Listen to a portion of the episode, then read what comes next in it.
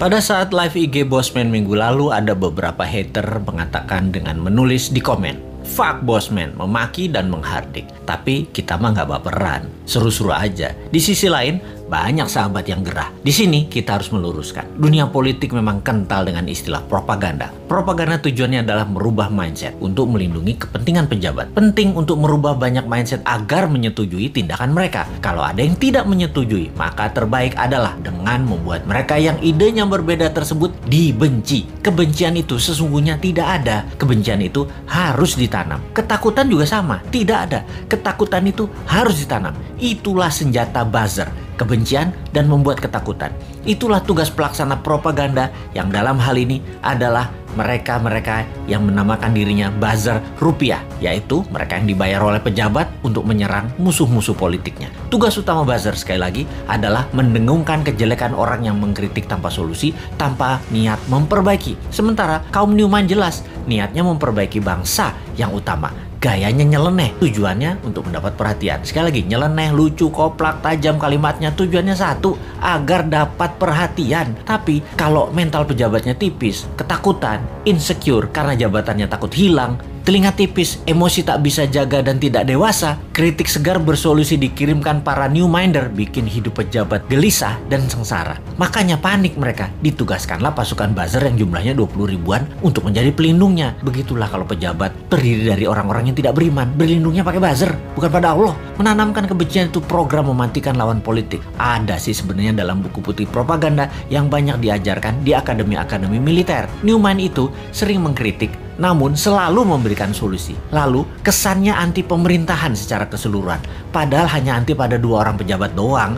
Karena dikesankan New Mind saat ini anti pemerintah, maka New Mind harus dipudarkan.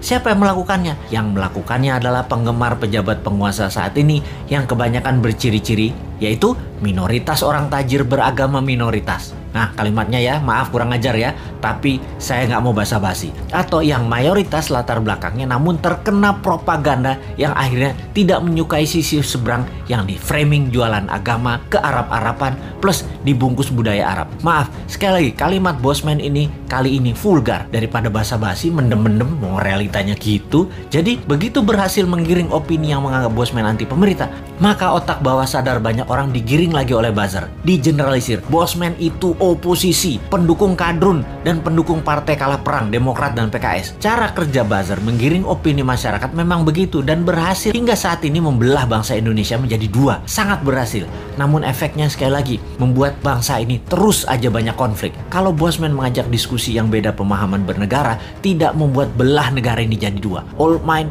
new mind, tidak membelah rakyat di bawah tetapi menjelaskan adanya otot pengetahuan lain atau muscle knowledge yang itu akan menambah tambah dewasa banyak pihak. Sehubungan dengan old mind versus new mind dalam konsep bernegara, Bosman mengatakan berkali-kali, new mind adalah siapa saja yang menganut MMT ekonominya, nasionalis patriotis, tidak tergantung asing bernegaranya, pro-life, mendukung sustainability lingkungan dan membuat Indonesia menjadi negara superpower di ulang tahun kemerdekaan Indonesia yang ke-100 yaitu tahun 2045. Mereka adalah para new minder. Fenomena ini, incumbent dan oposisi, keduanya pernah menjabat 20 tahun terakhir terbukti tidak membawa Indonesia menjadi negara superpower. Makanya Newman bertanya, 24 tahun ke depan masih mau sama mereka lagi pola pikir dan pola tindaknya atau mau main baru pakai bernegaranya ala Newman. Inilah demokrasi. Kalau kalah Newman legowo juga, nggak muring-muring ngacak-ngacak demo-demo, nggak baper, basi itu mah. Buktikan saja di dalam kehidupan keseharian Newman. Kalau ternyata kaum Newman lebih makmur, lebih sehat, lebih bahagia, ya monggo diadopsi secara nasional. Kita masih kasih aja. Jadi misi bersama jangka pendek kaum Newman adalah mempromosikan konsep ini ke 250 juta saudara sebangsa dan setanah air. Jadikan bahan diskusi, rembukan secara masif dan akhirnya kesempatan itu akan dibuktikan di kotak suara tahun 2024. Kalah menang bukan masalah, itu demokrasi. Pertanyaannya sekarang, bagaimana caranya 250 juta orang mengenal dan memahami konsep New Mind dalam waktu cepat? Urusan suka nggak suka itu nomor dua. Yang penting masuk dulu dan difahami. Ada saran nggak ya supaya New Mind bisa sukses?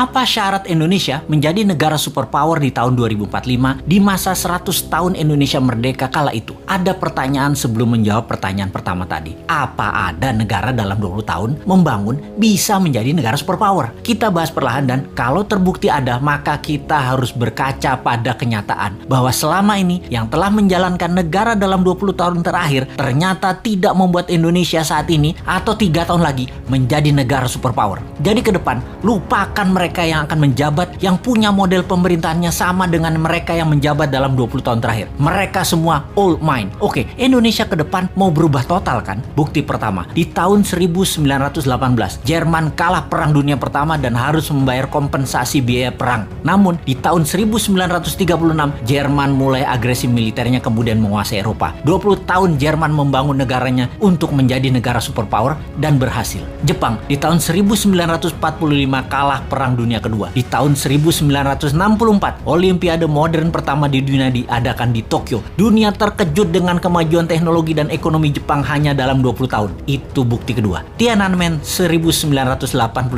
Tiongkok tumpah darah. Investor barat hengkang dari Tiongkok. Tiongkok di bawah Deng Xiaoping melawan dunia termasuk mengatakan Gorbachev goblok dan sejak saat itu mereka menjalankan sistem moneter sendiri hingga di tahun 2008 Olimpiade Beijing. Dunia tersentak Tiongkok menjadi negara sangat kaya hanya dalam 20 tahun. Ketiga itu terjadi dalam kurun waktu 20 tahunan membangun negaranya. Atau kalau kita mau tambah lagi termasuk bagaimana membangun Dubai, city country tersebut menjadi negara makmur hanya dalam 20 tahun. Kembali ke Indonesia. Bagaimana kita melihat Indonesia dalam 20 tahun terakhir? Siapa saja pemimpinnya? Apakah mau lagi dengan mereka-mereka dan orang-orang yang sepemahaman dengan mereka? Kita detailkan. Selama 20 tahun terakhir siapa yang menjabat? Mereka adalah tiga tahun Ibu Mega, 10 tahun Pak SBY, dan 7 tahun ini Pak Jokowi. Apakah dalam 20 tahun ini Indonesia seperti Jerman setelah Perang Dunia Pertama menjadi negara superpower? Apakah Indonesia menjadi negara maju modern seperti Jepang setelah Perang Dunia Kedua? Dan 20 tahun ini apakah Indonesia menjadi negara maju seperti Tiongkok setelah Tiananmen di tahun 1989? Maka jawabannya adalah belum atau tidak tercapai sama sekali. Jauh dari cita-cita negara modern ala Jepang, negara kaya ala Tiongkok, negara superpower ala Jerman. Apa masalahnya? Karena memang tidak punya konsep bernegara yang mumpuni, yang terorganisir dalam jangka panjang dan kuat strategi bernegaranya baik di dalam dan di luar negeri. Kita tanya lagi, calon kandidat 2024 nanti, siapa yang punya konsep bernegara yang akan membuat Indonesia berdikari, berdiri di atas kaki sendiri? Atau kita lihat lebih dalam, jangan-jangan kandidat yang ada hanya memiror, hanya memiror tiga kandidat terakhir bernegaranya. Apakah sahabat mau ke depan dijalankan pakai cara deket-deket dengan model bernegara tiga presiden terakhir? rasanya dapat dipastikan Indonesia akan stagnan jalan di tempat. Kita bukan menyalahkan tiga presiden terakhir tersebut, namun mereka sudah menjalankan negara menjadi seperti saat ini dan tetap utuh. Itu hebat. Namun ke depan kita ingin lebih berdaulat lagi bukan? Beranikah bangsa Indonesia melakukan sesuatu yang baru, yaitu pilih yang bukan mirip-mirip rejim tiga presiden terakhir? Adakah kandidatnya?